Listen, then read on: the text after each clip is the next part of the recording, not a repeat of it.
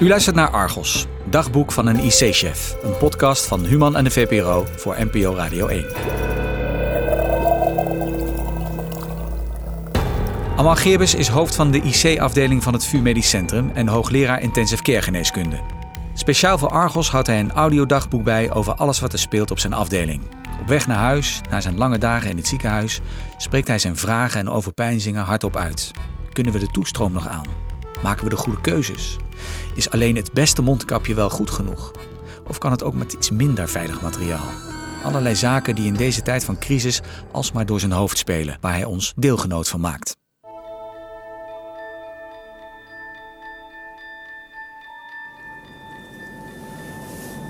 Het is vandaag woensdag 8 april. Het begint er bijna aan te wennen hoe het nu gaat. We hebben vandaag weer meerdere patiënten met uh, COVID, uh, de coronaziekte, opgenomen. Er zijn ook een aantal patiënten zijn, uh, van de beademing afgekomen. Maar er zijn ook een belangrijk aantal patiënten overleden. En we krijgen gelukkig toestemming van veel families om ook een obductie te mogen doen, hè, een autopsie. Waarbij het lichaam onderzocht wordt door de patholoog-anatoom. En het zijn indrukwekkende beelden. Ik sprak net met de patholoog-anatoom. Heel indrukwekkende beelden van de longen, die ja, wat dan heet hemorragisch, dus ja, overdekt met bloed. Dus in, in, het weefsel zit allemaal bloed. er zijn ook voor allerlei plaatsen zijn kleine stolseltjes te zien.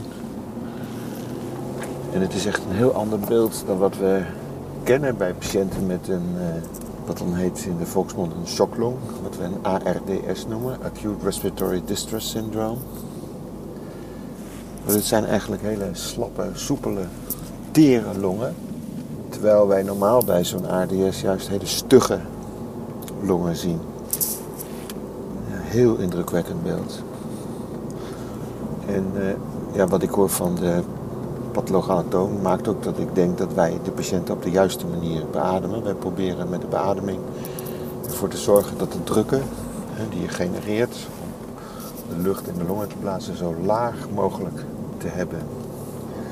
Het is een beetje ingewikkeld om dat nu allemaal zo uit te leggen, maar wij streven naar dat de drukken zowel bij de inademing als aan het einde van de uitademing zo laag mogelijk zijn.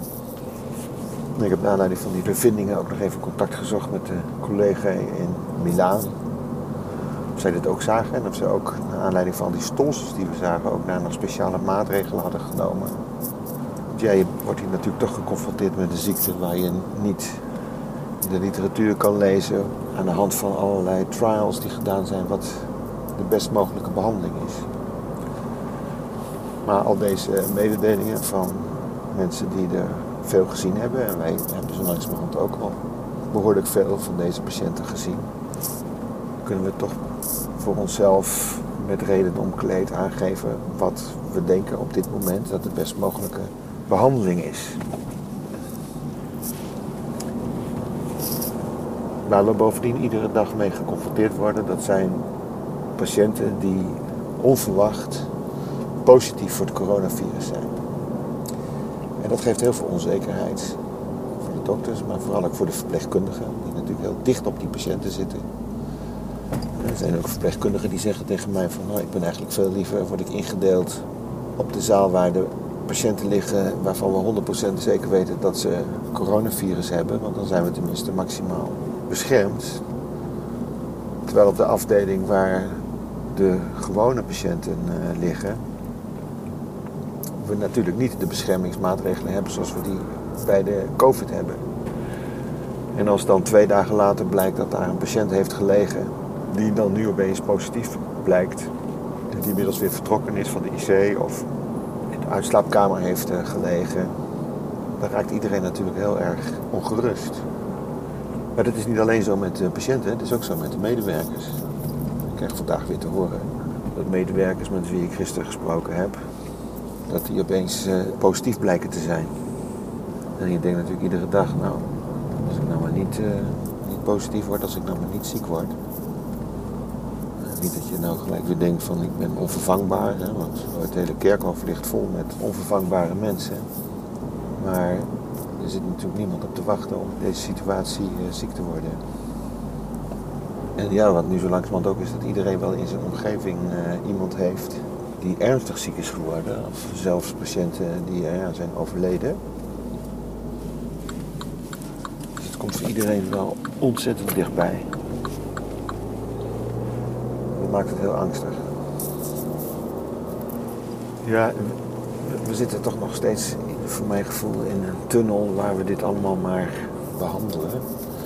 En nog steeds met een systeem draaien waar nauwelijks ruimte is voor de gewone patiënten om behandeld te worden volgens de normale planning.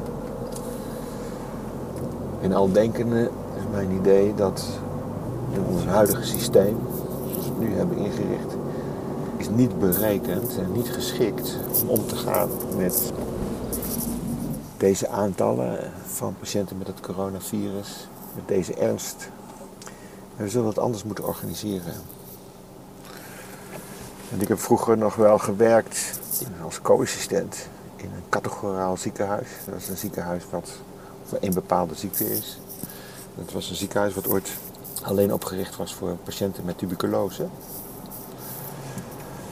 En eerlijk gezegd denk ik, maar daar moeten we nog met veel mensen over praten, daar moet nog veel over nadenken. Maar zoals ik het nu tegenaan kijk, lijkt het me wel verstandig om aparte ziekenhuizen te gaan maken voor patiënten met COVID, met het coronavirus. Het zal altijd betekenen dat je ook in de gewone ziekenhuizen af en toe een patiënt zult krijgen die positief is voor het coronavirus. Maar alle patiënten die acute infectie hebben met zo'n coronavirus, zou je in apart daarvoor ingerichte ziekenhuizen kunnen gaan behandelen. Dan kan het veel efficiënter dan wat we nu doen. Verstoort niet alle andere processen. Het zijn goed definieerbare patiënten die ook een goed definieerbare overzichtelijke ziekte hebben. En ja, het zou fijn zijn als daar een heleboel mensen over gaan nadenken. Want zoals het nu gaat, dat gaan we gewoon niet lang volhouden. De hele grote aantallen die ik eerlijk gezegd verwacht had afgelopen weekend van uh, patiënten is uitgebleven. Nou, dat is natuurlijk heel erg goed nieuws. Maakt dat wij ook nog steeds ruimte hebben om uh, patiënten uh, op te vangen. Nou, vanmorgen vroeg dacht ik nog, we hebben heel veel ruimte. Maar nu ik naar huis ga, weet ik dat die ruimte alweer behoorlijk is afgenomen. Omdat er een flink aantal patiënten zijn opgenomen.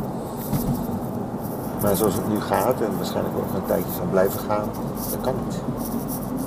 Dus nu hoop ik maar dat ons systeem voldoende flexibiliteit kent even rapido anders te gaan organiseren. En mijn inzet is nu aparte ziekenhuizen maken hiervoor. En snel ook. Zodat we ook een, de andere ziekenhuizen dan de gewone zorg weer kunnen oppakken.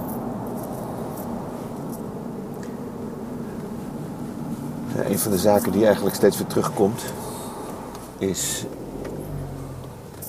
dat familie niet meer op bezoek kan komen bij de coronapatiënten die we hebben opgenomen. En de belangrijkste reden is, is dat het onveilig is als die familie gaat komen voor het personeel. En die familie zal ongetwijfeld ook besmet zijn. In ieder geval is de kans heel groot dat ze ook besmet zijn met het coronavirus.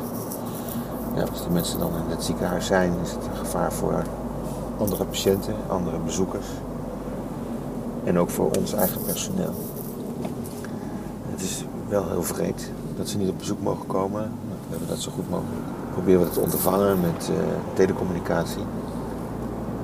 Maar ja, wat men zich wellicht nog steeds onvoldoende realiseert, is dat we te maken hebben met tekorten van beschermende kleding.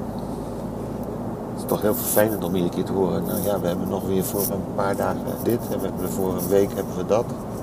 Terwijl je eigenlijk gewend was dat het gewoon altijd in voldoende mate aanwezig is. Ik hoop dat we weer in een situatie komen waar er ruim voldoende aanwezig is, want dan kunnen we ook met speciale voorzorgsmaatregelen de familie normaal op bezoek laten komen. Maar tot dat zo is, kan het niet. En moeten we toch echt de keuze maken om alle middelen beschikbaar te houden voor het personeel. De gezondheidswerkers die veilig moeten werken. De dokters en de verpleegkundigen, die moeten veilig kunnen werken. En daar moet je geen compromis aan doen. Tot zover het audiodagboek van Dr. Geerbers van vandaag. Als u zich op deze podcast abonneert, kunt u regelmatig een nieuwe bijdrage van hem beluisteren. Kijk voor meer informatie op vpro.nl/slash argos. Daar vindt u bijvoorbeeld ook het audiodagboek van een huisarts en nog veel meer interessante artikelen. Vindt u deze podcast de moeite waard? Laat dan een review achter in Apple Podcasts. Dank u wel.